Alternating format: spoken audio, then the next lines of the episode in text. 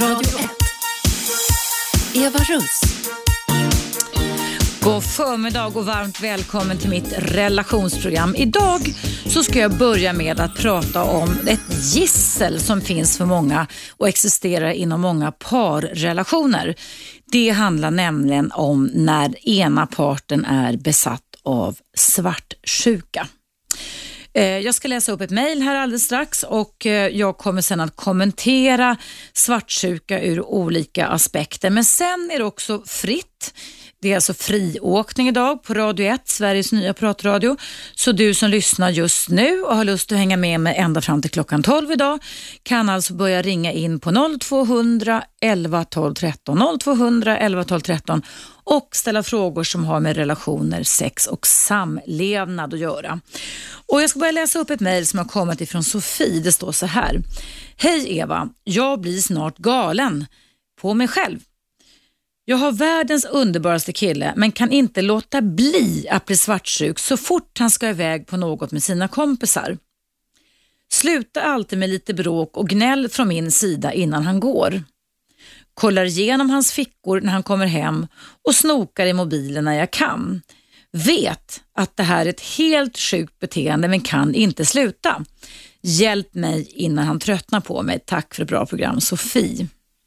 Mm. Kanske du som lyssnar just nu kan känna igen dig i den här problematiken. För svartsjuka är verkligen ett gissel för alla typer av relationer. Rent evolutionärt så tror man att svartsjuka som går inom normalitetsfunktionen, alltså normal svartsjuka, handlar egentligen om en form av revirbevakning i bemärkelsen att det gäller att skärpa sig lite här så att jag ser till att jag är tillräckligt mån om att vårda och visa att jag bryr mig om den partner jag har så att min partner inte finner mig trist och tråkig och därmed lämnar mig. Man skulle kunna jämföra det man kallar för normal svartsjuka med det som också kallas för en normal stressökning. Att bli lite stressad, stress låter som väldigt negativ bemärkelse, men stressökning kan faktiskt innebära till en viss gräns att vi skärper våra sinnen, att vi gör oss alltså beredda för att kämpa, fly eller spela döda. Och Det kan behövas ibland för att vi ska kunna bli mer alerta, få mer fokus. Och Där skulle man då kunna göra en liten enkel jämförelse mellan normal svartsjuka och vanlig normal stressökning. Men precis på samma sätt som med stress så kan stressen öka eh, så att den går bärsärkagång inom oss och då blir också vår varseblivning väldigt förändrad och annorlunda. Och Det är precis samma fenomen som händer när man är besatt. När den normala svartsjukan har blivit till en besatthet då så blir det alltså ett inre tillstånd som leder till att man alltid, precis som Sofie skriver i mejlen till mig, ligger steget före i tankarna. Och svartsjuka är ett tillstånd som alltså aktiveras av personens tankar. Det är väldigt mycket katastroftankar. Det är väldigt mycket svart-vitt tänkande, alltså antingen eller. Och väldigt, väldigt ofta så utgår den svartsjuke personen ifrån sina känslor. Där man går igång och tror att allting som man känner i form av frustration, ensamhet, oro, besvikelse och så vidare är ett tecken på att det man sen tänker är sant. Vad det gäller då Sofie som har, som har en svartsjuka som gör att hon kollar väldigt mycket så är det helt klart så att eh, ett sådant beteende kan förstöra även den bästa relation. Det är extremt jobbigt att leva med en person som är besatt av svartsjuka. Och vad Sofie säger, det, hon skriver i mejlen till mig att det hon vet att det är ett helt sjukt beteende, men säger hon, hon kan inte sluta. Och Det är där jag skulle vilja börja och ge mina råd till Sofie och även dig som känner igen dig i det här att vara, eh, bete dig sjukligt svartsjukt. Nämligen den föreställningen som Sofie ger uttryck för i sitt mejl att hon inte kan sluta. Det är klart du kan sluta Sofie. Vi kan förändra otroligt många beteenden i våra liv. Vi kan förändra jättemånga saker, men, men, men, men då måste vi också veta och liksom kalkylera vad vinsten och vitsen är med att vi slutar.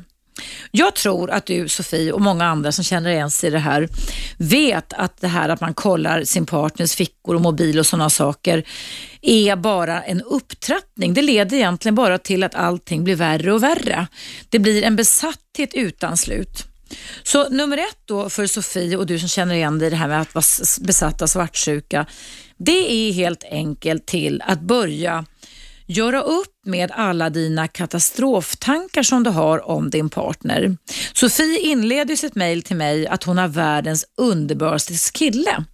Och då tänker jag som så att då behöver Sofie återföra sig ifrån katastroftankarna tillbaka till verkligheten. Och Det innebär att Sofie får lov att sätta sig ner och där är det inte nog viktigt att påpeka, och jag påpekar det väldigt, väldigt ofta för dig som lyssnar, att just det här att sätta av tid, tanketid till dig själv är jätteviktigt.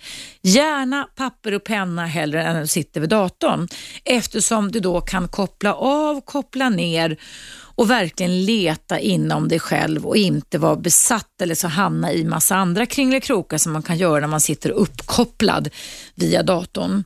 Så vad Sofie skulle göra det är alltså att sätta sig ner och börja återföra sig till verkligheten, skriva ner alla fakta som Sofie, eller du som också har, kring varför din partner är världens underbaraste kille eller tjej kan det också vara. Eh, skriv ner vad som är bra i relationen, skriv ner alla bevis och alla fakta som just du har som är bevis på att du kan lita på din partner. Och här gäller det i princip att dammsuga verkligheten. Alltså tänk dig, föreställ dig att du har en dammsugare och ska damma rent alltså i varenda liten vrå av relationen. Så att Ta även små saker, uppmuntrande saker som din partner ger till dig. Eh, samtalen har, alltså kommunikationen, omtanken, bekräftelsen. Så gör en lång lista på det här och låt det gå flera dagar. När du sitter kanske en halvtimme per dag, skriver ner, lägger undan den Sen så går du tillbaka till den dagen på. Och när du sen i nästa steg, det här är alltså första steget, i nästa steg börjar dra igång de här katastroftankarna, de här svartvita tankarna som oftast är känslomässigt baserade. Då ska du ta fram den här listan och sätta dig ner och göra liksom en ceremoni kring det hela. Läsa så här, vad har jag för fakta och bevis som just nu går emot de här starka känslorna. Och Då gäller det att läsa bit för bit vad du har skrivit ner som går emot alla tecken på att det finns anledning att vara svartsjuk. Och liksom suga på varje mening, suga på varje bevis, läsa det, blunda det, visualisera, alltså se dig de här relationsbilderna som är bekräftelse på att ni har en bra relation om och om och om igen inom dig. Alltså mata dig själv med så många sinnen som möjligt med bevis och fakta som går emot de starka känslorna. Sen gäller det, och det är ett, som en slags medicin, en antidot, alltså en ant mot giftet svartsjuka, så gäller det att göra det här i varenda enskild minut och timme som du, liksom Sofie, får svartsjuketankar så gäller det då att ge mot gift, så att säga, motgift mot det här. Sen tycker jag också det här är också faktiskt också att skriva, man kan skriva ett eh, flashcard kallas det i min värld. Alltså att man tar ett papper där man skriver ner kanske i punktform all, fyra eller fem bevis som går emot att det finns anledning att ens tänka katastroftankar om din partner och så bär du med det här kortet i fickan eller lägger det på en lämplig strategisk plats hemma. Till exempel nära sängen, till exempel på köksbordet eller sätter fast det med en kylskåpsmagnet på, på kylskåpet för att därmed kunna läsa på så att det blir en form av affirmationer när de negativa automatiska katastroftankarna som är känslomässigt baserade, som oftast är svartvita och väldigt rigida, börjar flasha genom huvudet. Så är det samma sak där. Då gäller det att hitta ett motgift. Läs på, vad du har kommit i kontakt med. Och Det handlar också om att byta spår, att gå ifrån att känslan drar igång, panik, rädsla och vredesreaktioner till att gå över till logiska och förnuftets hjärna, den nya storhjärnan. Och Sen gäller också för Sofie och även du känner igen dig i det här med svartsjuka att Sluta med, alltså du tror att du inte kan sluta, självklart kan du sluta. Det är bara att fatta ett inre beslut. Att från och med nu så håller jag mig till fakta, till bevisen och tänker goda tankar om min partner när rädslan börjar svämma över. Och då går du inte igång som Sofie gör och börjar snoka och kolla igenom fickor och snoka i mobilen, utan det är bara att avhålla sig från det här och öva dig att omdirigera tankarna.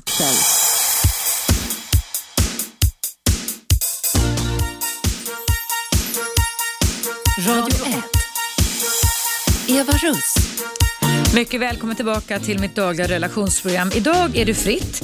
Det innebär att du som lyssnar på mig just nu ända fram till klockan 12 är varmt välkommen att ringa in till mig på numret 0200 11 12 13. Men jag började att öppna upp för att prata om ett gissel som finns inom många parrelationer, nämligen svartsjuka.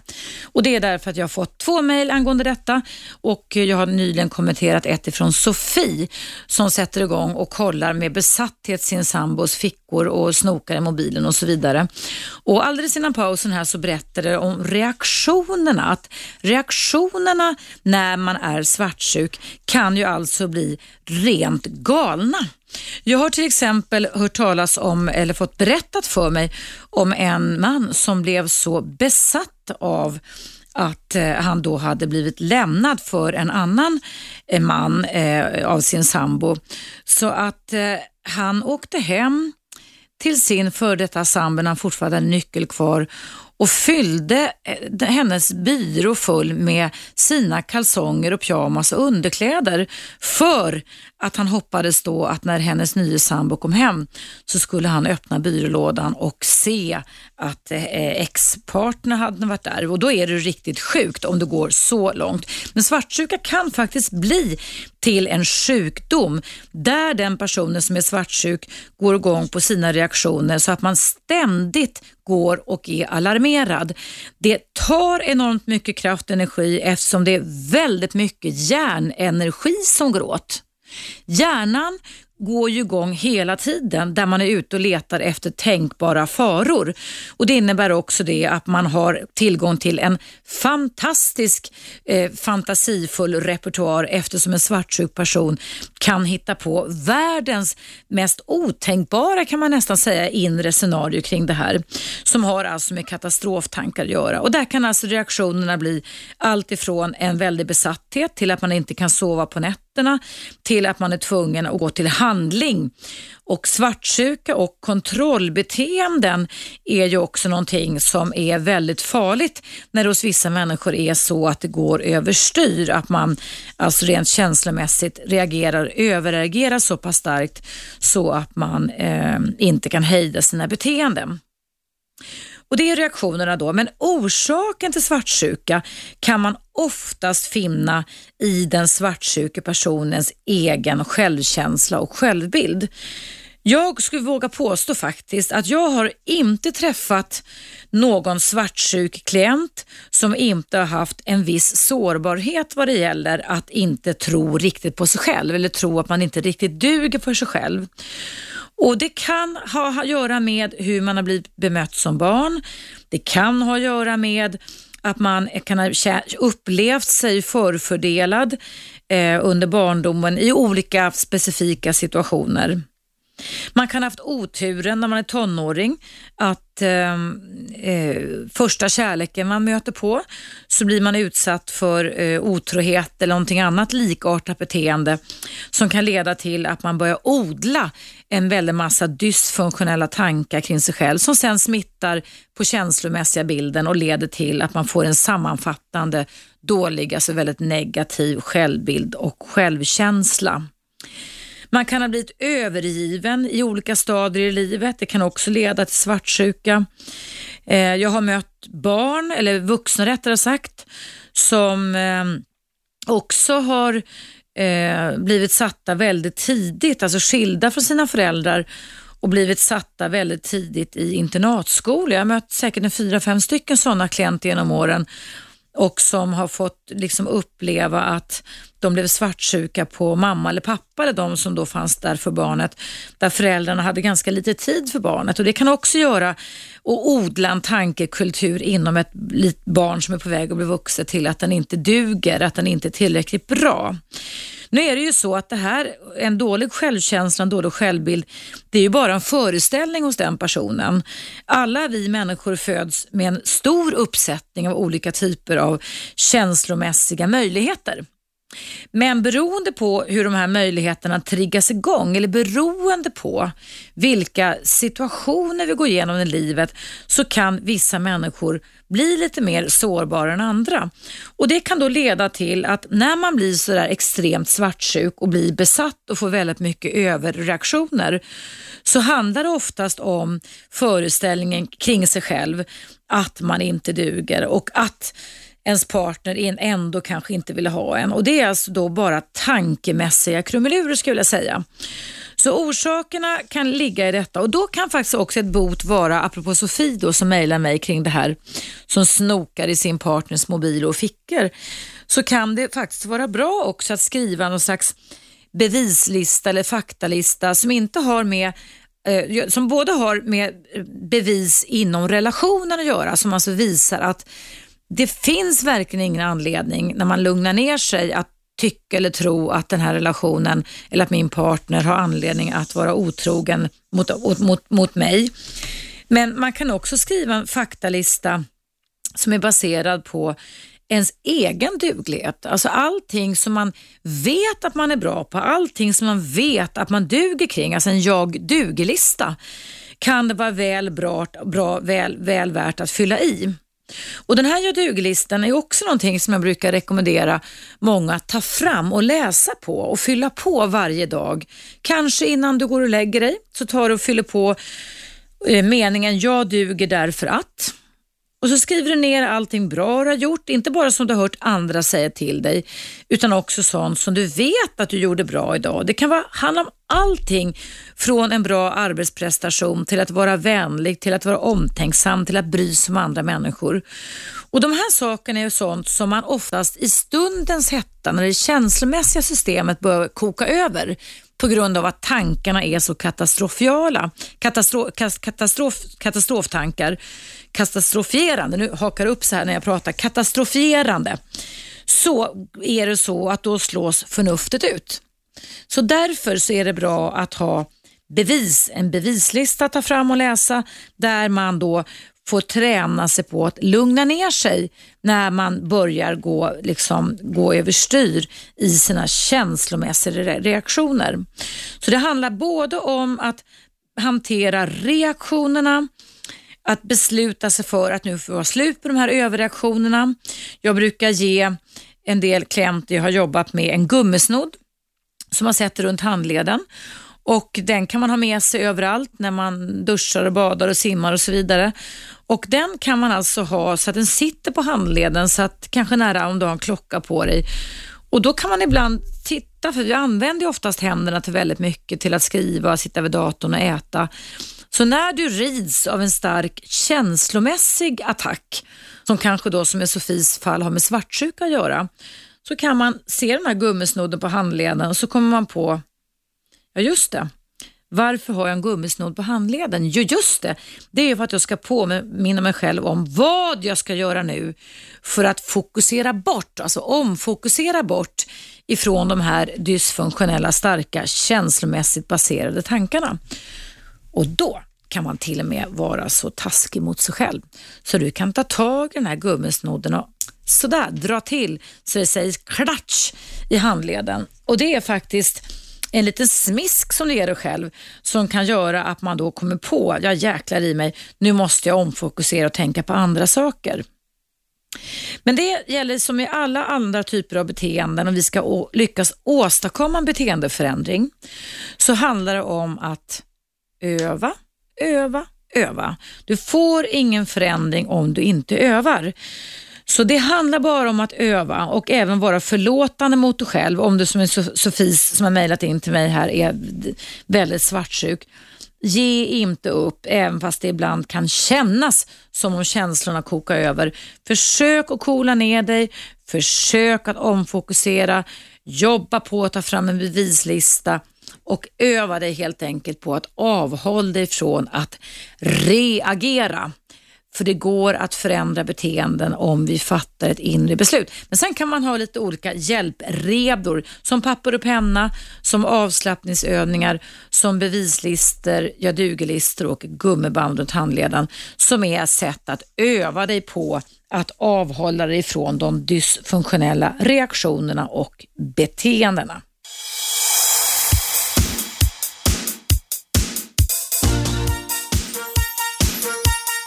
Radio 1. Eva Russ. Välkommen tillbaka i mitt relationsprogram. Idag är det så kallat fritt eller friåkning. Så du som lyssnar just nu och vill hänga med mig ända fram till klockan 12 kan alltså ringa på numret 0200 11 12 13. Det går också bra att mejla mig och mejladressen är evaradio1 snabel gmail.com. Eh, den första halvtimmen här har jag kommenterat ett lyssnarmail ifrån Sofie som eh, var på väg att bli lite besvatt av svartsjuka. Och där har jag då gett rådet att det handlar om att inte låta de känslomässiga systemen bubbla över så att man hamnar i panik och rädsla eller vrede eftersom svartsjuka kan bli till en besatthet och i värsta fall kan svartsjuka leda till beteenden som både innehåller överreaktioner men också som är väldigt dysfunktionella och kan för vissa personer bli extremt kontrollerande. Vi har också klart för oss att bakom väldigt mycket relationsproblem där misshandel ingår så kan det alltså ligga svartsjuka i olika grader. Eh, det gäller att kunna bromsa reaktionerna. Det gäller att kunna byta spår ifrån det känslomässiga spåret till det förnuftsmässiga, logiska. Det handlar om att fatta ett beslut, att inte gå igång när känslan känns som den ska svämma över. För ofta så tror vi människor det att vi ska explodera, men det gör man faktiskt inte. Man kan inte explodera av känslor, utan vi kan känna en stark känslomässig inre stress. Men precis som med stress så, kommer den, så är den en U-kurva som när man är mest uppe på toppen där så brukar den sen plana ut. Så det gäller helt enkelt att sitta still i båten och inte agera när impulserna och känslorna är sådär extremt starka. Ja, jag fick ett annat mejl här också ifrån en man som vill vara anonym och han skriver så här. Jag har aldrig varit svartsjuk på någon av mina tjejer förut, men nu känner jag mig alltid orolig för att min nuvarande tjej ska träffa någon annan. Och svartsjukan gör mig sömnlös när hon är borta. Och här har vi, kära lyssnare, just den här reaktionen att när man är sömnlös så är huvudet fullt av tankar och förmodligen så är huvudet fullt av väldigt massa katastroftankar hos den här mannen. Sen fortsätter han så här i sitt mejl till mig. Varför blir det så här? Jag är 37 år, har inga barn, men min nya tjej har en liten dotter med sin förre man. Vi träffades då hon fortfarande var gift, vilket innebär att hon var otrogen mot sin dåvarande man med mig och som amatörpsykolog tror man ju att det är därför jag tror det kan hända igen. Vad tror du Eva? En gång otrogen, alltid otrogen. Ta gärna upp detta i radio men inte mitt namn, tack. Mm. Vad väcker det här för tankar hos dig som lyssnar just nu? Ring in 0200 11 12 13. Jag ska säga vad det väcker för tankar hos mig. Eh, nej, jag tror faktiskt inte att en gång otrogen alltid otrogen. Allting handlar väldigt mycket om hur vi hanterar olika vändpunkter som vi går igenom i livet.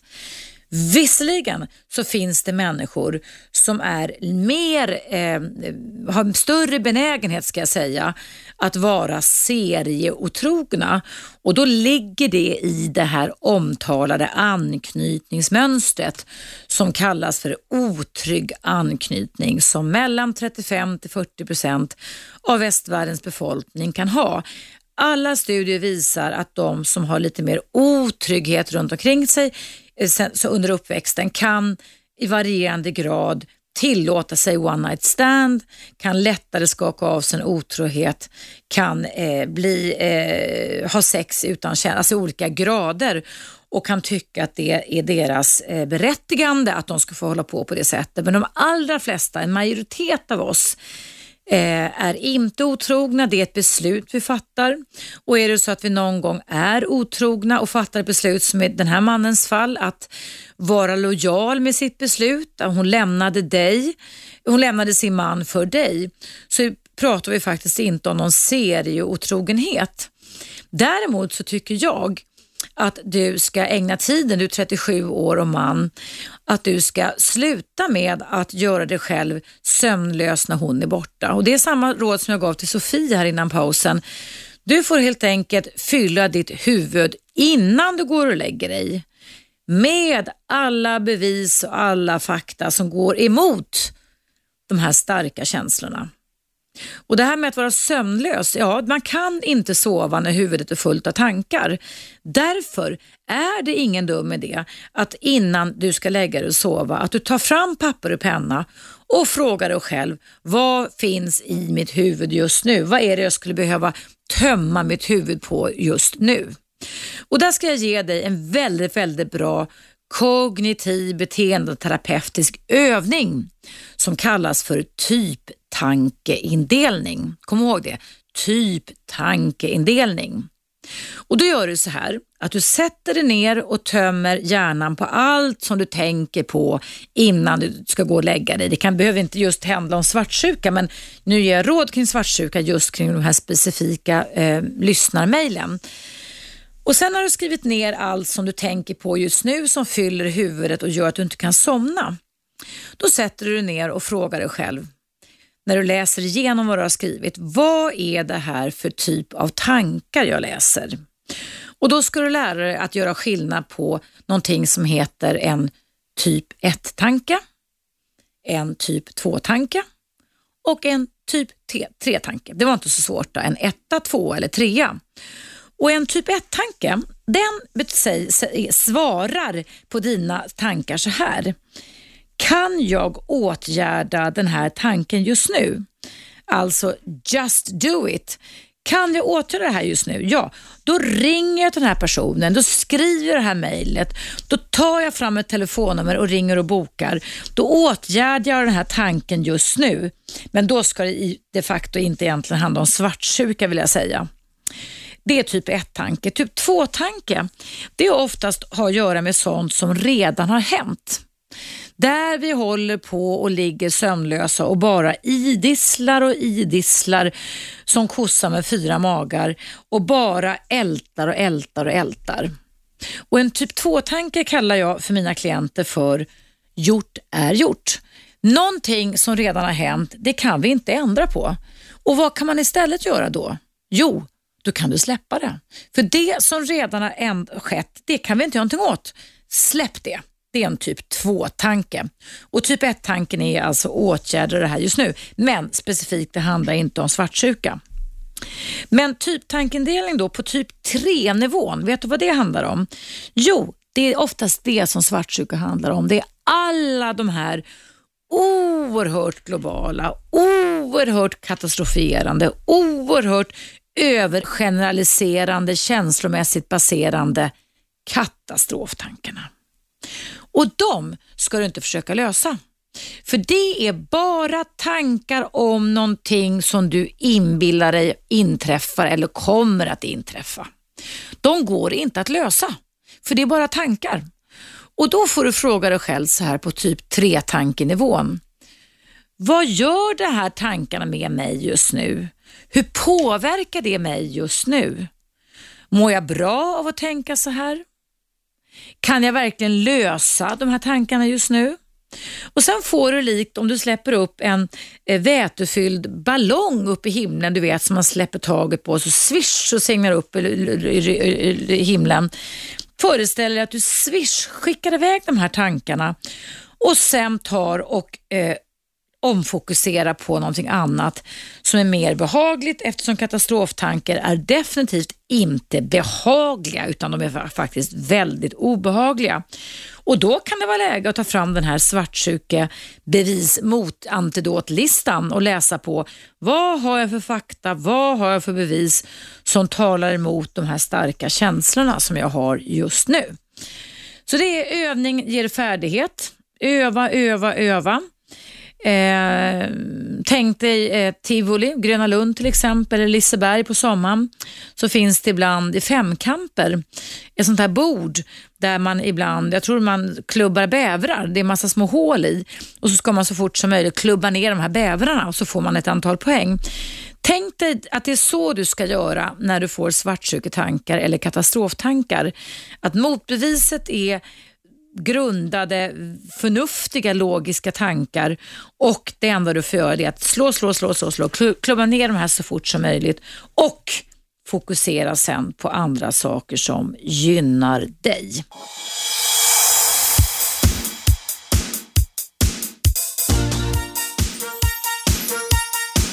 Radio 1. Eva Russ. Hej och varmt välkommen tillbaka. Idag är det fritt kring relationer och jag har alldeles innan pausen här besvarat två stycken lyssnarmail. Det handlar om personer som rids av sömnlöshet, alltså reaktionerna där tankarna drar igång, väldigt mycket katastroftankar gör att man inte kan sova och det går alltså inte att sova när huvudet är fullt av katastroftankar. Så eh, öva dig på att tömma det här, öva dig att återföra dig till verkligheten och fokusera på det som bär framåt i relationen istället i mitt råd kring svartsjuka. För annars kan svartsjuka för vissa personer bli en väldig besatthet och det är, kan bli, leda till väldigt många fler dysfunktionella beteenden faktiskt. Eh, nu har jag en kvinna på tråden och jag vill säga till dig som sitter och lyssnar, du behöver inte berätta ditt namn på något sätt. Man kan vara anonym när man ringer hit också. Hallå, välkommen till mig Eva Russ. Eh, tack och jag vill tacka för din jättefin program och jag lyssnar varje dag. på Vad roligt, tack så mycket. Tack. Vad ville du ha hjälp med? Eh, jag behöver eh, hjälp och råd angående min son. Han går i ettan mm. och det var så att han inte fått någon läsläxa i flera månader. Och sen jag, i början trodde jag att fröken har missat det och sen visste jag från andra föräldrar att deras barn eh, fick ganska, varje gång de lämnade någon bok fick, fick de någon annan bok istället läsläxa. Ja. Och sen eh, liksom, jag försökte prata med fröken mm. eh, angående detta och hon liksom blev mycket arg på mig på en gång när jag frågade henne var, liksom, varför Leo har inte fått mm. läsläxa. Hon, hon blev jättearg på mig och sen sa hon till mig om jag vill så min son får, får jag följa med min son till biblioteket och låna därifrån. Mm. Och jag frågade henne, men andra barn för varför, äh, varför liksom? Så hon sa till mig, det här är en pedagogisk bedömning. Uh, så jag känner att min son har blivit på något sätt särbehandlad. Mm. Samtidigt känner jag att hon liksom visade ingen respekt för mig när jag ville fråga henne. Hon blev mycket arg på mig och eh, svarade inte mig på något trevligt sätt och stängde dörren. Liksom. Usch vad tråkigt, jag håller verkligen med dig om det. Det låter ju som en slags försvarsreaktion från den här läraren, att, den känner, att hon känner sig ifrågasatt. Men alltså, du har ju rätt som förälder att få, få ett svar på varför din son blir särbehandlad. Men jag måste bara fråga en sak, kan det vara så att din, din son, han är sju år då eller? Precis, han är sju år. Är han, han jätteduktig håller... på att läsa eller? Nej, nej, han är inte. Han är inte det? Nej. Han håller på att lära sig. Han håller på att lära sig det, ja. Precis. Ja. Och jag, liksom, så i början trodde jag att, helt enkelt att hon missade. Mm. Så jag ville bara helt enkelt ställa mm. fråga till henne. Jag ville inte ha diskussion med henne. Någonting. Jag ville, jag, men här, så snabbt frågade jag henne och sa att Leo fick ingen läsläxa i alla fyra månader mm. som gått. Blev hon jättearg på mig och sa att jag ska lyssna. Hon pratade argt och högt och stängde dörren eh, mot mig och sådär. Så, så jag vet inte hur ska jag gå vidare. Jag skickade ett mejl till henne. Ja, till fröken och, alltså? Ja. Till fröken precis och frågade henne liksom, eh, nu säger jag, eh, vi har fått ingen svar hittills. Hon var sjuk hela, hela veckan. Du skickade förra veckan då eller? Precis, ja. Ja, det är Och- klart det var klämdagar, det var en halv vecka också, men vad skrev du i mejlet till fröken då? Eh, jag skrev så här att det var inte meningen att jag stressat, att stressa dig och jag ville bara och jag ville inte heller ha, ha någon diskussion med dig. Och jag ville bara fråga dig och jag trodde att du har missat att min son, att, att Leo har fått läsläxor och sådär. Och också jag skrivit att jag gjorde som andra föräldrar. Mm. gjort, Engagera att- dig, eller hur? Precis, att de, du pratade med dem före mig och du var jättelugnt med dem och så där. Så jag bara liksom följde dem och säga att jag ska passa på att ställa frågan till dig. Mm. Men kanske det var, jag pratade på det här sättet att jag Mm. inte stressa dig samtidigt liksom jag ville fråga och veta och du sa också att det var någon pedagogisk bedömning och det här var lite svårt för mig att fatta Mm. på vilken grund liksom var det den här pedagogisk att just min son inte behöver utveckla sig i Mm. Ja, det låter ju jättekonstigt tycker jag. Jag tycker att du ska sluta med att be om urs- ursäkt. Det tycker jag snarare är läraren som ska be om ursäkt. Alltså, skolan är inte till för att de ska hunsa barnens föräldrar, eller hur? Ja, ja, jag förstår och jag håller men samtidigt, du vet att min son går, går hos henne i, klassrummet. Jag, så jag, var- jag ville inte liksom att hon liksom... Men hon ska inte vara otrevlig. Hon är pedagog. Hon ska kunna svara på, det är en ganska solklar fråga tycker jag. Varför får min sjuåriga son inga läxor? Alltså antingen är han geni och kan läsa nionde årskursen. Nu skojar jag lite med det, för alltså att han inte behöver. Men hon svarar istället med att bli arg. Precis, Och, ja. och säger att ni ska gå till biblioteket istället. Det är en väldigt dålig attityd tycker jag. Precis, ja, det var jättekonstigt. Jag förstår liksom. Jag, jag blev jätteledsen Mm, det och förstår jag. jag. blev ganska sjuk.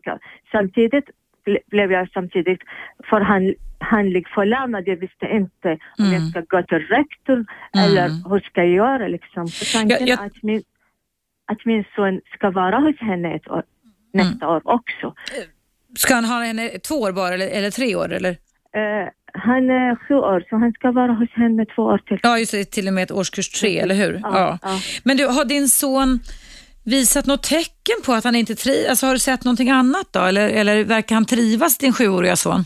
Eh, han, i, början beklagade han av det, var, det fanns mycket skrik i skolan och, och sådär. Mm. Och han ville inte gå till skolan. Mm. Men sen blev det lite lugnare och han har sina, sina vänner där. Mm. Och därför han vill, vill inte byta skolan eller... Nej, det är ju känsligt för barn. Men, har, men sonen har själv, har han själv som sjuåring kunnat reflektera över varför hans kompisar får läxor och inte han?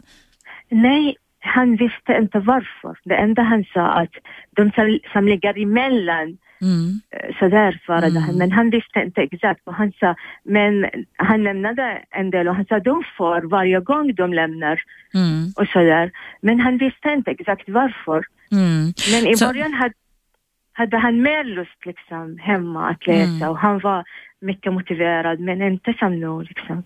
Så du har skett en, sett en sinnesstämningsförändring på din sjuåriga son? Ja, till, till sämre. Nej, men alltså, jag tycker att det här är ett klassiskt exempel på när de försöker projicera på föräldrarna, på dig, att du gör fel och de har rätt.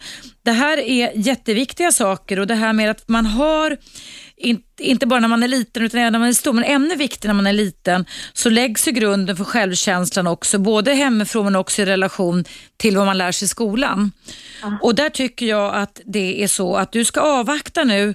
Jag tycker du har gjort helt rätt, men du kanske tog på dig skulden lite för mycket. Men som jag säger, gjort är gjort, så du kan inte ändra det där mejlen just nu. Va? okej, ja. Utan släpp det, utan Okej. vänta och se vad du får för svar. Okej, Och vänta kanske till slutet på veckan, det är måndag idag va? Eh, och, och får du då inget svar på fredag, då skulle jag eh, nog skicka ett brev, ett mejl igen där du skulle be om ett möte för det är mycket, mycket bättre att ses än att Okej. mejla och hålla på och säga det att som du säger till mig, jag, jag ser att det här är ett bekymmer, jag vill ha en förklaring till det här, men vad kan, alltså mer fokusera på en lösning. Så Jag vill att du tar och ger min son läxor. Det är viktigt att han också får läxor precis som alla de andra barnen och att han blir bra på, på, på språk och så vidare, eller hur? Och kunna läsa. ja. Så jag tycker att, men försök att öva dig på att inte se dig själv som att du ska be om ursäkt, för du har inte gjort något fel.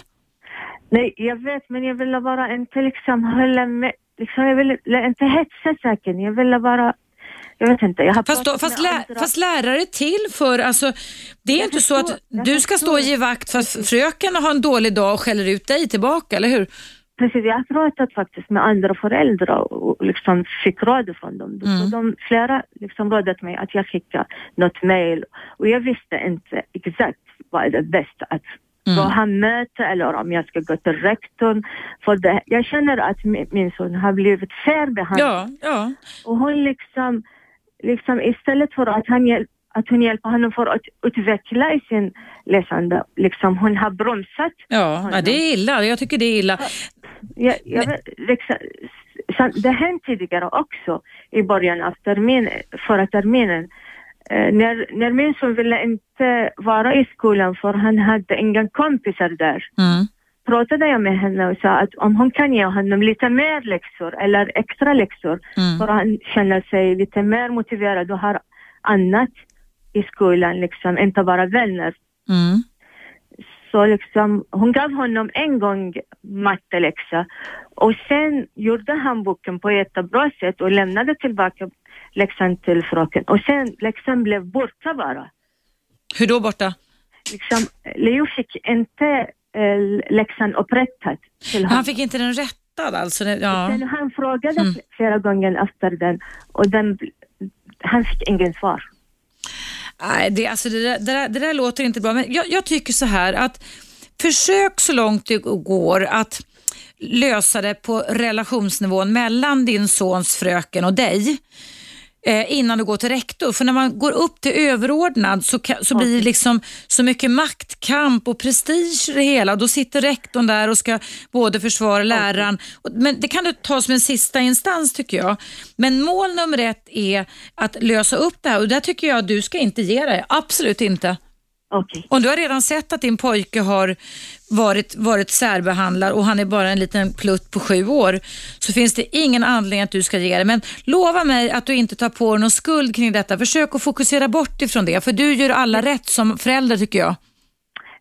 Jag har inte riktigt skuldkänslor men samtidigt jag visste inte vad jag ska göra och hon visade ingen respekt för mig. Nej, det tycker inte jag heller. Nej.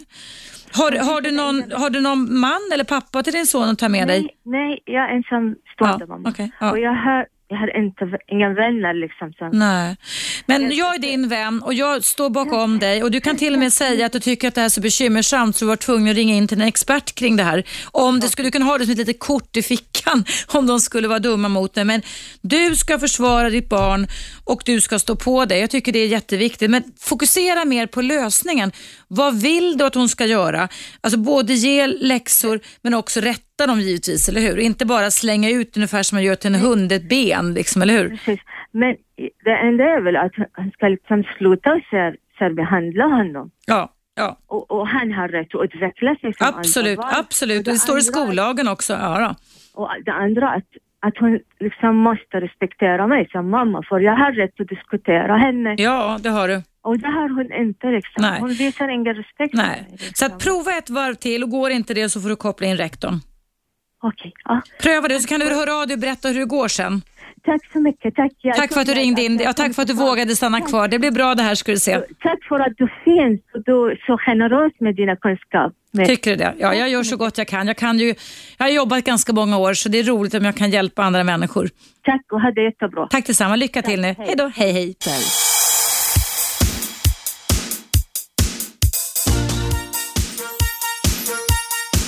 Radio 1. Eva Russ. Välkommen tillbaka. Idag är det fritt och det innebär att du som lyssnar just nu kan ringa in och numret är 0200 12 13 och ställa dina frågor kring som har med relationer att göra. Det går också att mejla som en eh, kvinna här som heter Eva har gjort och hon, ja, samma namn som jag. Och hennes, eh, eller min mejladress är evaradio1 och den här lyssnaren Eva, hon, det handlar faktiskt om jämställdhet i en relation. Så det är väl någonting som jag tror att många människor kan reflektera över och se hur man kan lösa. Det står så här i mejlet. Jag är en invandrarkvinna, gift också med en invandrare från, fast från ett annat land. GR står det, jag antar att det är Grekland. Vi har varit tillsammans sedan 1998, alltså 12, 14 år och har tre barn ihop, åldrarna 7 till 13 år. Vårt problem har vuxit större och större och nu är, har det nått sin topp.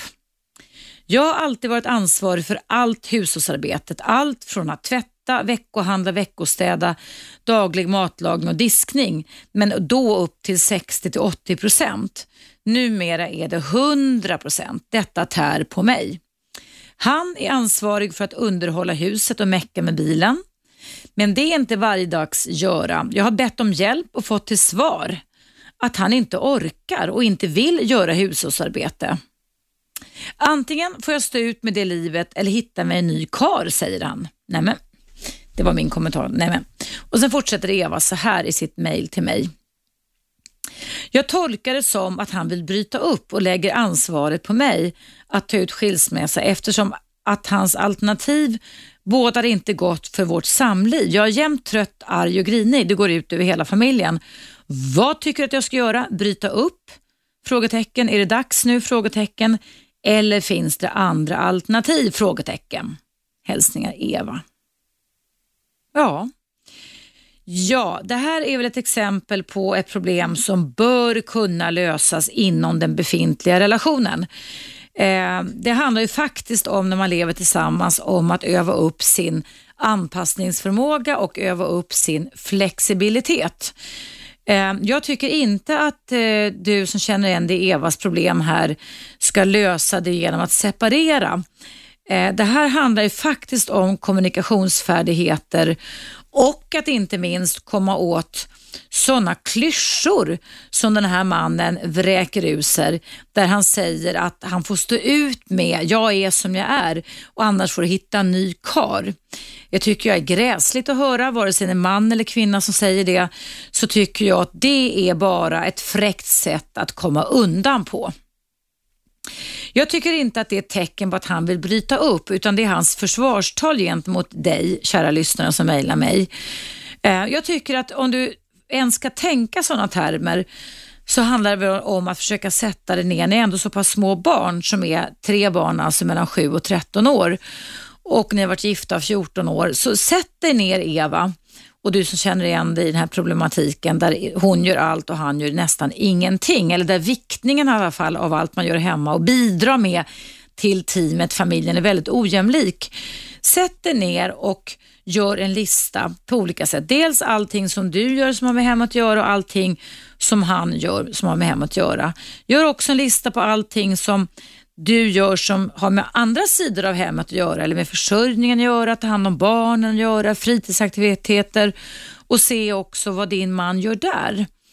Och eh, gör också en lista på så att du liksom blir klar i tanken kring vad, du, vad är det som håller ihop dig och din man.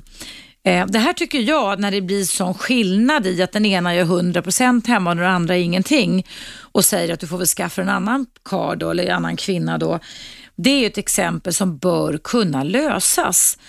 Eh, när jag jobbade med ett tv-program som gick för fyra år sedan på 2008 på TV4, det hette Bröllopsform, så var jag och eh, programledare där tillsammans med Martin Lidberg. Och Då stötte vi faktiskt på ett eh, fint par som jag faktiskt är vänner med nu på Facebook som hade lite det här att den ena kvinnan i den här relationen jobba ihjäl sig plus att hon jobbade om det var halvtid eller trekvartstid. Eh, och mannen hänvisade till, nu säger jag lite skojfriskt så här, att han sa inte att du får träffa någon annan, men han hade lite räkmacka faktiskt att åka omkring och det ledde till att den här kvinnan höll på att digna under den här skörden. Då gjorde vi så här, att då gjorde vi en lista på allt vad hon gjorde och allt vad han gjorde som hade med hemmet att göra. Och Sen så satte, blåste vi upp ballonger och sen satte vi lappar lappar på varenda göromål du gjorde hemma och fyllde de här ballongerna med eh, kväve, är det väl, eller väte? Kväve, ja. Eh, så att de liksom, ja, går mot himlen, håller sig upprätta. Och Sen så ställde vi mannen och kvinnan bredvid varandra på gräsmattan utanför deras hus. Och Då såg alltså kvinnan ut i det här fallet som att hon skulle lyfta. Hon såg ut som en sån här kvinna som säljer ballonger på tivolin och mannen hade typ två eller tre ballonger i sin hand. Och När vi gjorde det här och de fick stå och titta på varandra så blev de lite fulla av skratt och såg den här tydliga skillnader mellan vad hon gjorde hemma och vad han inte gjorde hemma. Sen ledde det då till att den här mannen fick uppgift att välja ut några av den här kvinnans ballonger som han kunde tänka sig att lära sig. Det var till exempel dammsuga hemma, tvätta golven, moppa golven och att stryka. Men det som var den stora haken för den här mannen i det här tv-programmet Bröllopsform som jag var programledare för 2008, det var att han visste inte hur han skulle göra. Så det handlade alltså om att inte ha färdigheter för det han skulle göra i hemmet. För där hade då kvinnan tagit på sig, precis som jag tror att Eva har gjort i det här mejlen, att det mannen inte gör, då tar hon på sig dubbelt så mycket. Men det är också då så kanske att mannen inte får en chans till att lära sig eller ens våga erkänna att jag vet inte hur man gör. Så då tog vi dit, eh, då hade TV4 ett sånt här städteam. Det var ju två damer där som höll på att städa. Jag tror den ena var professor i städning. Så då hade vi utbildning en eftermiddag för den här mannen. Och han lärde sig att ta över en del av de här hushållsgöromålen när han visste hur han skulle göra. Så det kan ju faktiskt också vara så att det kan vara brist på färdigheter som gör att man säger ta mig som det är eller också får hitta en ny kar. Um, sen kan man ju fundera också över vad kvinnan gör i det här fallet, eller vad du gör, det kan vara man också, när man ber om hjälp hemma och mannen eller kvinnan inte gör något. Är det så, vilket jag tror är ganska vanligt, att du med automatik gör det istället? Att vi alltså blir mammiga och tar hand om allting som mannen gör. Ett förslag då tycker jag är att sluta och gör det.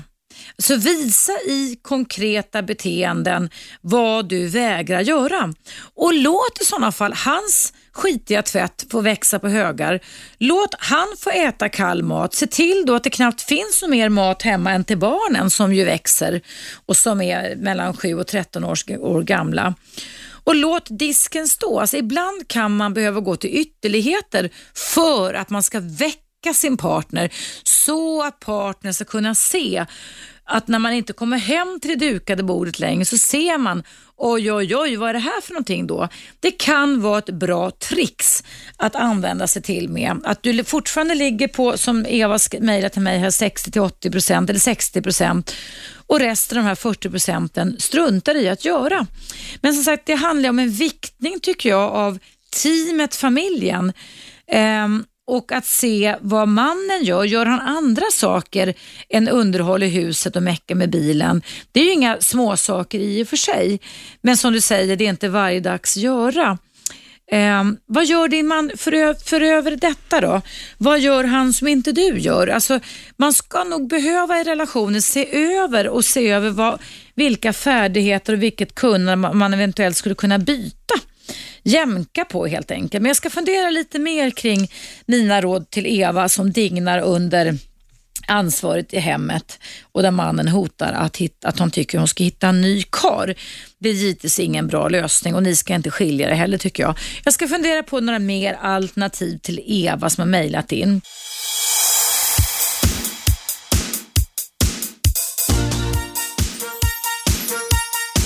Radio 1 Eva Russ.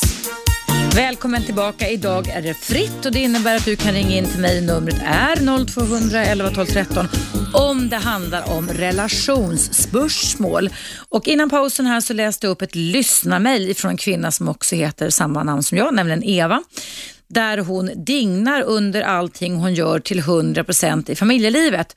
Hon tvättar, tvättar veckohandlar, veckostädar, daglig matlagning och diskning och när hon begär hjälp av mannen så svarar han att hon får nöja sig med som han är eller också får hon hitta en ny kar.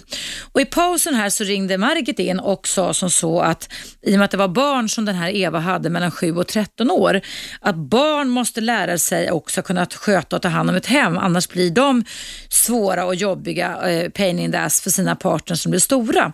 Och Jag håller verkligen med Margit där, att för Evas del så kan det också hända, handla om att leda och omfördela vissa sysslor hemma. Barn kan faktiskt lära sig att sätta på en tvättmaskin, kanske inte veckohandla. Barn kan lära sig att hjälpa till lite mer hemma. Det är en väldigt bra synpunkt tycker jag, att aktivera alla, men då tycker inte jag att pappa pappan i det här fallet ska vara ett undantag. Jag tycker att Eva ska, om du har kärlekskänslighet mot en man och du är nöjd med honom förutom hans dåliga attityd till att hjälpa till hemma, så tycker jag att du Eva ska fråga honom det Alltså hur ser han på din arbetsbörda?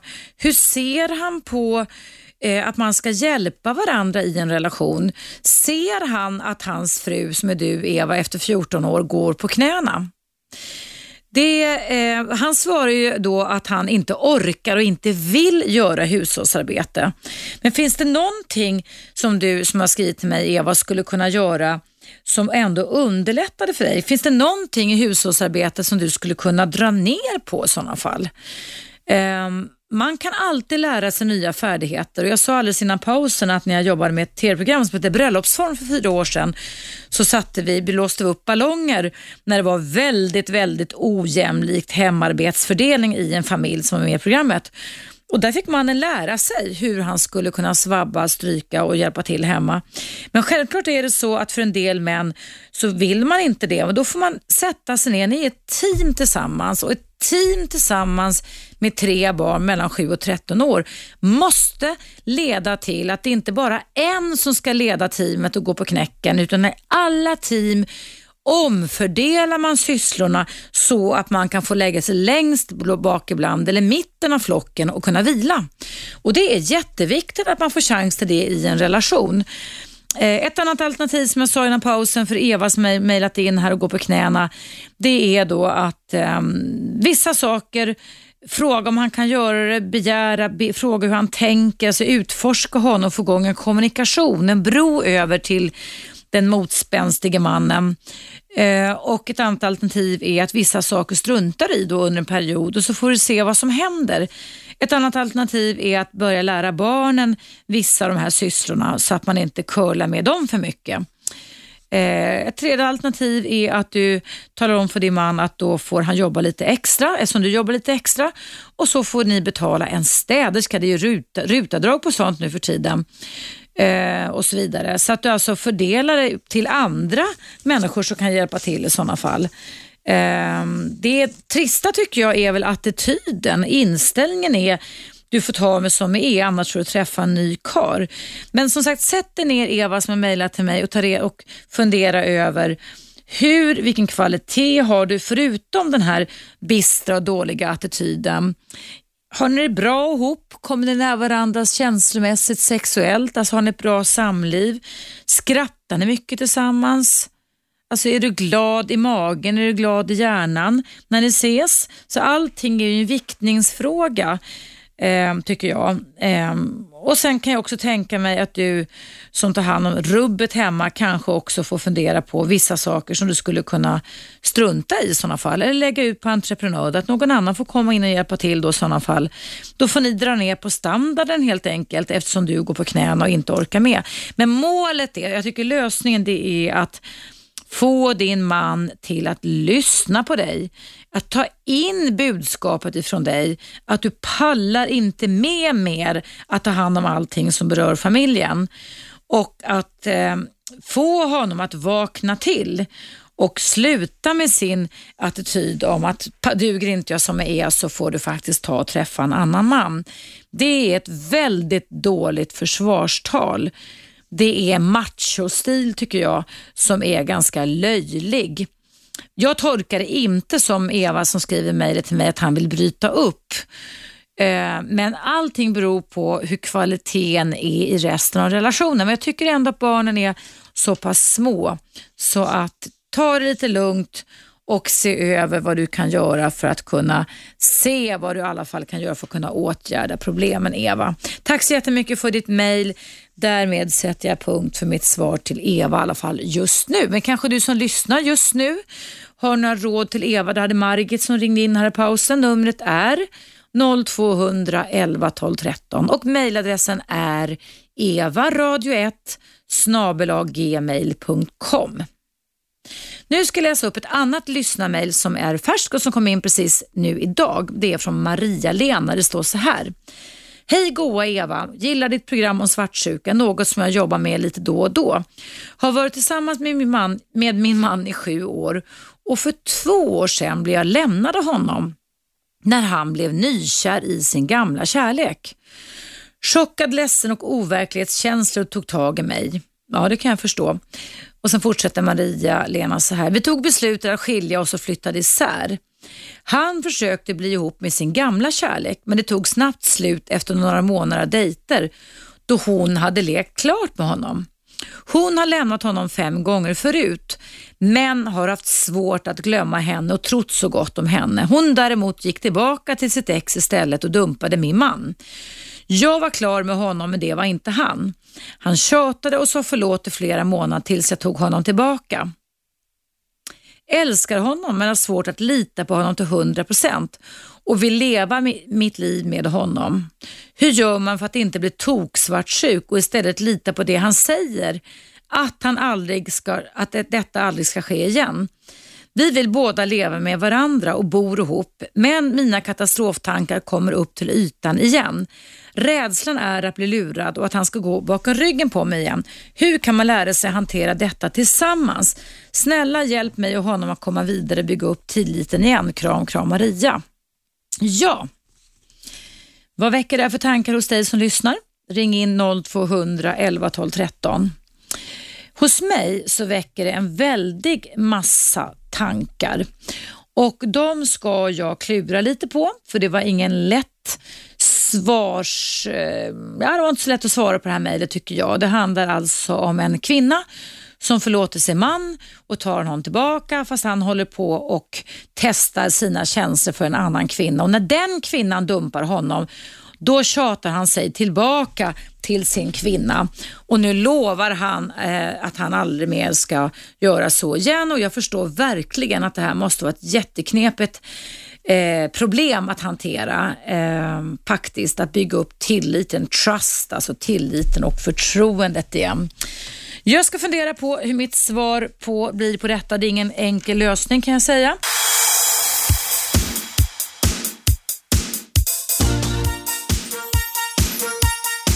Radio 1. Eva Russ. Varmt välkommen tillbaka. Idag är det fritt och det innebär att du som lyssnar kan ringa eller mejla som Maria-Lena gjort här till mig om du vill ha råd och lösningsförslag i alla fall på allt som har med relationer att göra. Jag läste upp innan pausen om Maria som har varit med om att efter fem års relation bli lämnad av sin man som blev kär i sin gammal eh, kärlek där han höll på under en lång tid och eh, pröva om det skulle funka så länge som fem gånger. Men till slut så slutade det med att Marias man blev dumpad och hon gick tillbaka, den gamla ny, ny, nykära gamla kärleken tillbaka till sin man och då valde han att gå tillbaka till Maria igen. Och Sen tjatade han och sa förlåt i flera månader tills hon tog honom tillbaka. Och Maria verkar vara övertygad om att hon vill fortsätta med honom men har rids nu av svartsjuka och får katastroftankar. Och Han lovar då och säger att det ska aldrig ske igen. Eh, och Det verkar finnas en konsensus hos båda att de, ni vill leva med varandra och bo ihop igen. Och Då skulle jag säga så här, för nu har jag verkligen funderat på mitt svar här, här, här till dig Maria. Det är ju så här att jag tycker att efter en sån här händelse där den ena parten i en relation har fått använda Eh, den andra som en trygg hamn där man ständigt är välkommen tillbaka oavsett hur man beter sig oavsett hur många partners eller många försök man gör med en annan partner kan lätt bygga upp en form av berättigande. Alltså synen på den själv blir att att man har rättigheter till det här och det är lite alarmerande tycker jag faktiskt. Eh, du har liksom blivit plattformen där din man har fått komma och gå lite och sen ska du helt enkelt bara lita på honom igen. Men vad händer med honom då? Hur ska han gå fri kring det här tycker jag? Det, jag tycker att problemet har hamnat i fel knä eller hos fel person. Jag skulle vilja omdefiniera det här problemet Maria och säga som så att jag tycker att den stora Problemet är att du måste begära av din man som håller på och hattat på det här sättet och fått alltså ha berättigandet att komma och gå och, och, och pröva en ny relation och du har stått standby där och väntat. Att han bör väl förklara och förmedla till dig hur han har tänkt och varifrån denna ambivalensen har kommit. Jag skulle vilja säga att jag tycker att din man som nu har varit otrogen, gjort en massa utbrytningsförsök med en annan partner, bör i en parterapi beskriva hur han tänkte då och hur han tänker nu. För annars blir det här väldigt obegripligt för din del.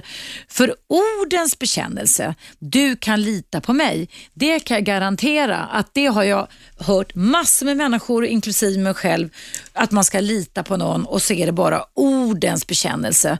Och egentligen så är det nästan så, tycker jag av egen erfarenhet, att ju mer en person säger att man ska lita på den i orden, desto min, mer osäker ska jag egentligen vara. För det handlar faktiskt om beteenden. Och där tror jag att efter en sån här väldigt, väldigt jobbig kärlekskarusell där du ömsom har bestämt dig för att aldrig ta någon tillbaka igen och sen så kommer exmannen tillbaka och tjatar sig in igen och nu är han tillbaka där igen. Leder självklart till en ambivalens inom er båda men framförallt inom dig. Eh, varför har han valt att komma tillbaka till dig? Var du andra valet eller var det förstahandsvalet? Vad står han nu? Vad tänker han nu? Ja, alla den här typen av frågor måste komma upp på bordet. Så jag skulle råda er att investera i allt ifrån en dyr parterapi eller i en lite billigare inom kommunens försorg så kan man gå hos excellent parrådgivning i den kommun man bor. Kyrkan har också faktiskt väldigt bra parrådgivning och jag skulle sätta mellan tummen och pekfingret minst fem gånger upp till tio gånger där ni kan prata igenom det här. Det här är traumata att ens partner lämnar en och undersöker andra partners och sen kommer tillbaka igen. Och Jag tror att det här att bygga upp, som du skriver Eva Maria till, eller Maria-Lena, tilliten igen, det tar tid. Så jag tror att det här är ett parproblem där jag tycker fokus bör ligga på att utforska och förstå och se vad har förändrats inom din ambivalente mans tanke och känsloverksamhet. För det måste du förstå. Alltså inte bara att han säger att han har förändrats utan hur tänkte han då? Hur tänker han nu? Eh, hade han valt dig igen även fast han inte hade blivit dumpad? Hade han valt dig om det hade funnits en andra, en tredje kvinna här? Allt det här bör ni prata klart om för att ni sen ska kunna sätta punkt och kunna känna att ni kan vila i relationens trygga hamn. Nu har den varit trygg för honom men inte trygg för dig. Så jag tror nog att ni bör avsätta tid till, via ett proffs, att gå igenom det här ordentligt. Bygg upp tilliten via proffs så kan man nog förlåta ganska mycket skulle jag vilja säga. Men det är alltid knepigt när det blir på det här sättet. Här är det ju inte ens en inbillad svartsjuka utan det här är ju de facto ett upprepat beteendemönster där du har liksom fått bli lämnad och förskjuten och, och bortprioriterad och sen när din mans kärlek dumpar honom, då är du ett hett byte igen och då ska du lita på honom. Så jag förstår verkligen att eh, där tycker jag inte ens att dina svartsjuketankar är orimliga, utan jag tycker till och med att det är ganska normalt. Eh, sök hjälp, sök hjälp att prata igenom det här ordentligt. Det här kallas för traumata. Det här är ett relationstraumata när man håller på att hatta på det här sättet. Och som sagt var, tillit eh, eh byggs upp under en lång period där man i handlingar, i beteenden, i eh, bekräftelser och omvårdnad och visar respektfulla beteenden gör det om och om, och om igen, då kan tilliten komma tillbaka. Men jag säger bara lycka till. Jag hoppas att det går bra, men sök hjälp så kan ni få en proffs som hjälper er med det här. Jag tror att det är den bästa lösningen just nu. Ja, då tar jag ett nytt lyssnarmail här och jag ska fundera på mitt svar eh, under pausen. Det är från Anders. Det står så här. Hej Eva! Jag fick kontakt med en kille på QX Cruiser för något år sedan och för dig som inte vet vad det är det så har jag lärt mig av eh, Peter Gustafsson som var hästbonde och den första gaybonden i Bonde söker fru. Han var min, min gäst för några veckor sedan. Så det är alltså QX Cruiser. Det är alltså en sajt för, för homosexuella där man kan då på nätdejta och försöka träffa en partner på det sättet. Och då fortsätter Anders så här i mitt mail till mig idag. Han träffade en kille på QX Cruise för något år sedan. Han bodde i England och vi bestämde oss för att träffas i London efter att de hade utforskat varandra och skrivit och mejlat. Tycker träffen, dejten gick okej, okay, även om jag var nervös. Men han var tvungen att gå efter ett tag då han skulle gå på begravning. Men vi bytte telefonnummer. Jag ringde sen, men han var väldigt upptagen då han hade två jobb. Tyckte väldigt bra om honom och vi delar samma intressen. Han har nu flyttat till Schweiz men har ej hört något från honom. Jag vill gärna ha kontakt med honom och försöka ses igen. Jag har hans nya telefonnummer. Och nu kommer då frågan till mig, Eva Russ. Och då ställer Anders den här frågan. Är det okej okay att ringa för att prata och ge detta en andra chans? Vill gärna träffa någon som vän eller för den delen en dejt. Så är det rätt att ringa och kolla om vi kan ses igen? Hälsningar Anders. Ja, Anders, jag behöver egentligen inte svara efter pausen på det här.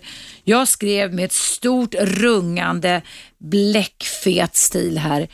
Ja, ring! Livet är för kort för att vi ska gå omkring och vara nyfikna och inte testa tesen och testa möjligheten att se om den person du har träffat kan ge, eller ni kan ge varandra en chans till. Det kan ha varit en massa olika omständigheter som ledde till att det blev lite gungigt där i början. Man har rätt att vara nervös när man går på en dejt. Man har rätt att ändra sig. Man kan vara nervös, man kanske tänker det första man gör efter en dejt, nej jag vet inte. Och sen när man får lite distans till det så kanske man skäms och tänker sig, gud vad dum jag var som inte lade ner lite tid på det. Man har rätt att ändra sig och man har rätt till en andra, till och med en tredje chans om det verkar vara en vettig person. Så ring, ring, ring. Eh, ring och tala om och säg att du, som du säger till mig idag, att du har gått och funderat, att du tyckte att det var ett bra möte, att du gärna skulle vilja lära känna honom mer. Men fråga då också om han fortfarande är singel. För det är ju egentligen det på den nivån du kanske vill lära känna honom. Och det kanske var på den nivån du träffade honom på den här QX Cruiser-sajten. Så Skäms inte, inga negativa dystra tankar kring det här. Ge relationen till chans, dö inte nyfiken. Och har du träffat någon som det kändes bra med och du ett år efteråt går och tänker på vederbörande, då tycker jag att det är en bra signal. Det är ett bra tecken tycker jag på att det fanns någonting där som du i alla fall bör utforska. Om det däremot är så, Anders, att den här personen du ringer en gång och du ringer två gånger och du ringer tre gånger och den inte ringer tillbaka om du lämnar meddelanden och du är säker på att det är rätt nummer. Då kanske du får lov att inse att den här personen kanske inte törs säga som det är. Eh, då får du tolka det som att den här personen inte är intresserad av dig. Men en till två gånger, till och med tre samtal, att visa att du är målmedveten och ihärdig, det tycker jag absolut att du ska göra. Go for it Anders, gör det.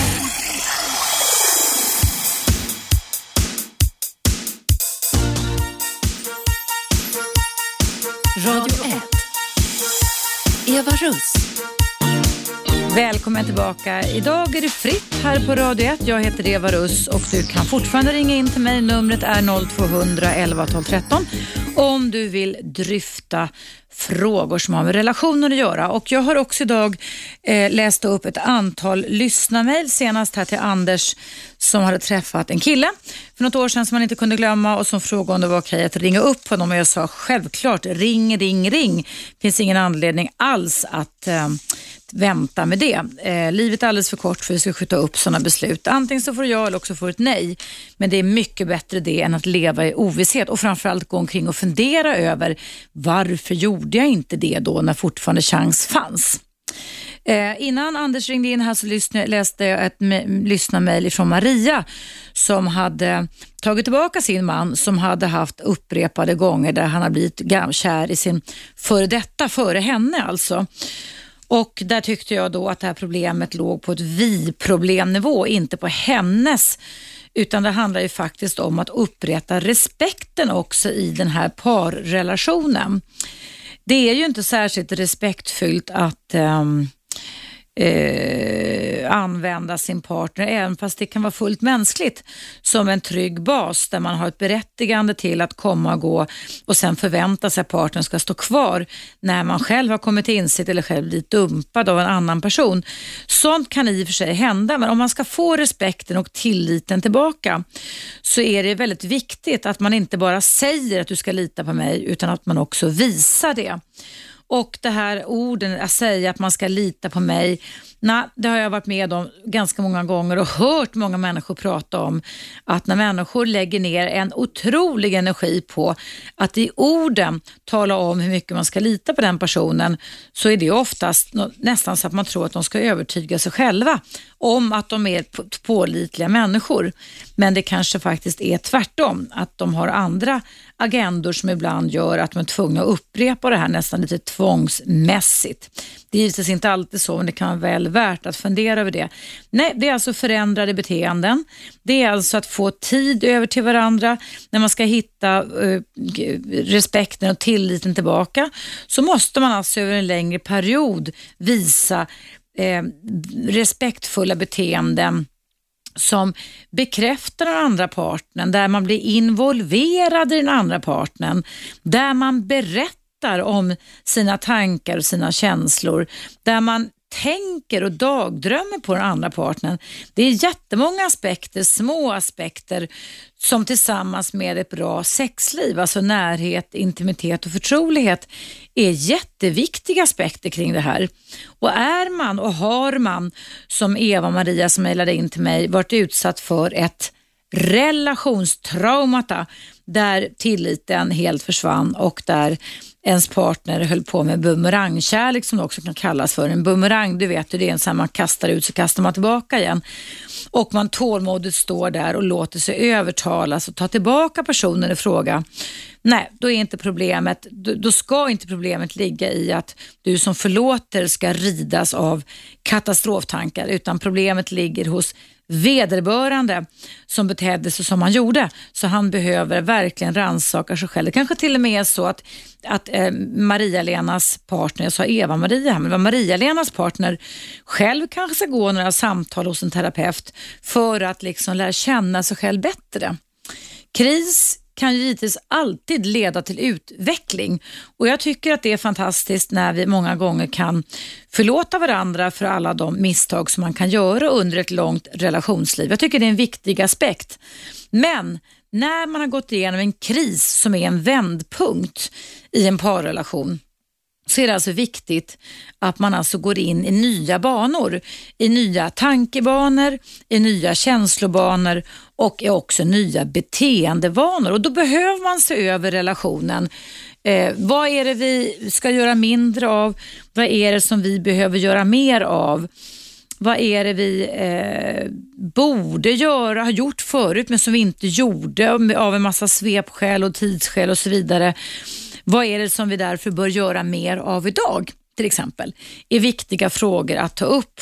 Och framförallt om man ska vara kvar i en parrelation så behöver man relatera till varandra. Alltså både dagdrömma men se varandra i ögonen, hålla om varandra, gnugga varandras kroppar mot varandra så man får igång kärlekshormonet oxytocin.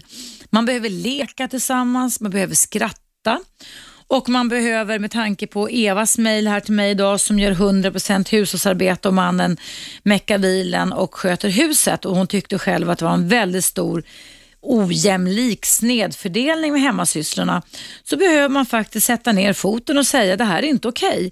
Jag mäktar inte med det här och Ska man leva länge i en pa bra parrelation så innebär det faktiskt att man ser sig själv som ett team.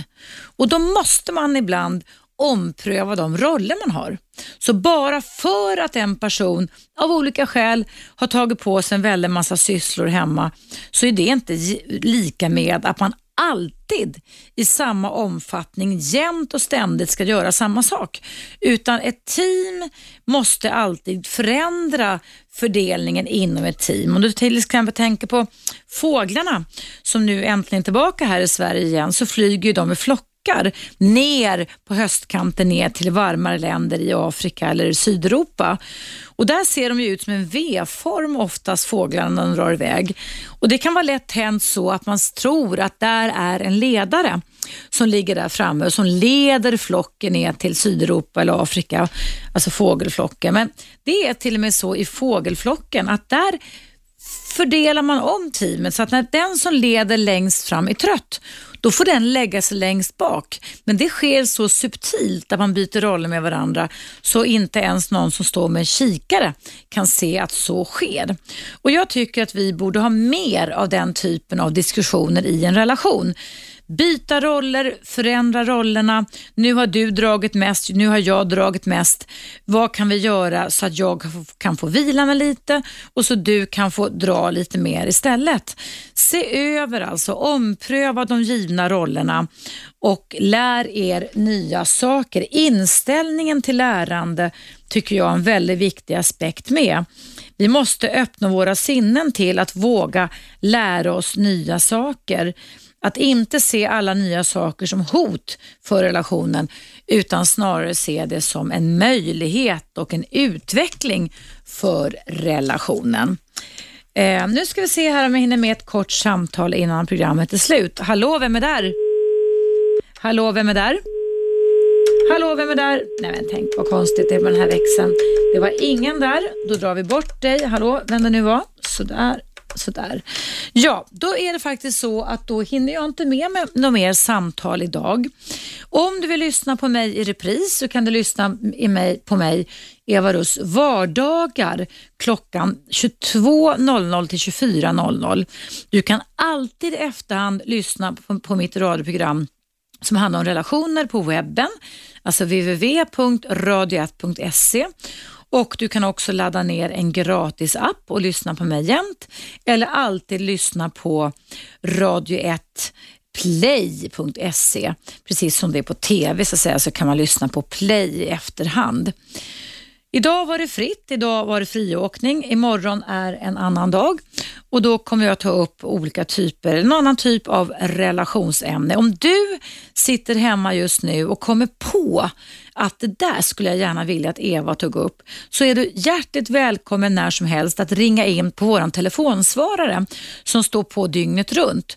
Och numret hit är 0200 11 12 12. 11, 0200 11 12 12 och du kan alltså också alltid dygnet runt mejla till mig evaradio1gmail.com så tar jag och min producent Ina Jönsson och eh, bestämmer oss för vilka typer av mejl och vilka eh, olika typer av programpunkter som vi vill sätta så att du och jag tillsammans kan faktiskt också göra väldigt mycket av det här programmet. Så imorgon är en annan dag och nu sitter jag här och väntar på Hasse Aro som ju har programmet efter mig. Han har ju då programmet Efterlys special som går här på Radio 1, Sveriges nya pratradio mellan klockan 12 och 13 i direktsändning varje dag. Men vart har Hasse tagit vägen? Jag kan vänta en liten stund till här och prata med dig som lyssnar på mig. Jag såg honom i alla fall i morse, att han satt och förberedde det här radioprogrammet. Så vi får väl se då, den som väntar på något gott väntar aldrig för länge brukar det vara. Eh, du kan också tycka till om mig, till exempel mitt radioprogram och mina andra kollegor här på Radio 1. Och Då kan du också ringa till den här telefonsvararen som står på dygnet runt 0200 11 12 12. Men numret hit är alltså 0200 11 12 13. 101,9 Radio 1 Sveriges nya pratradio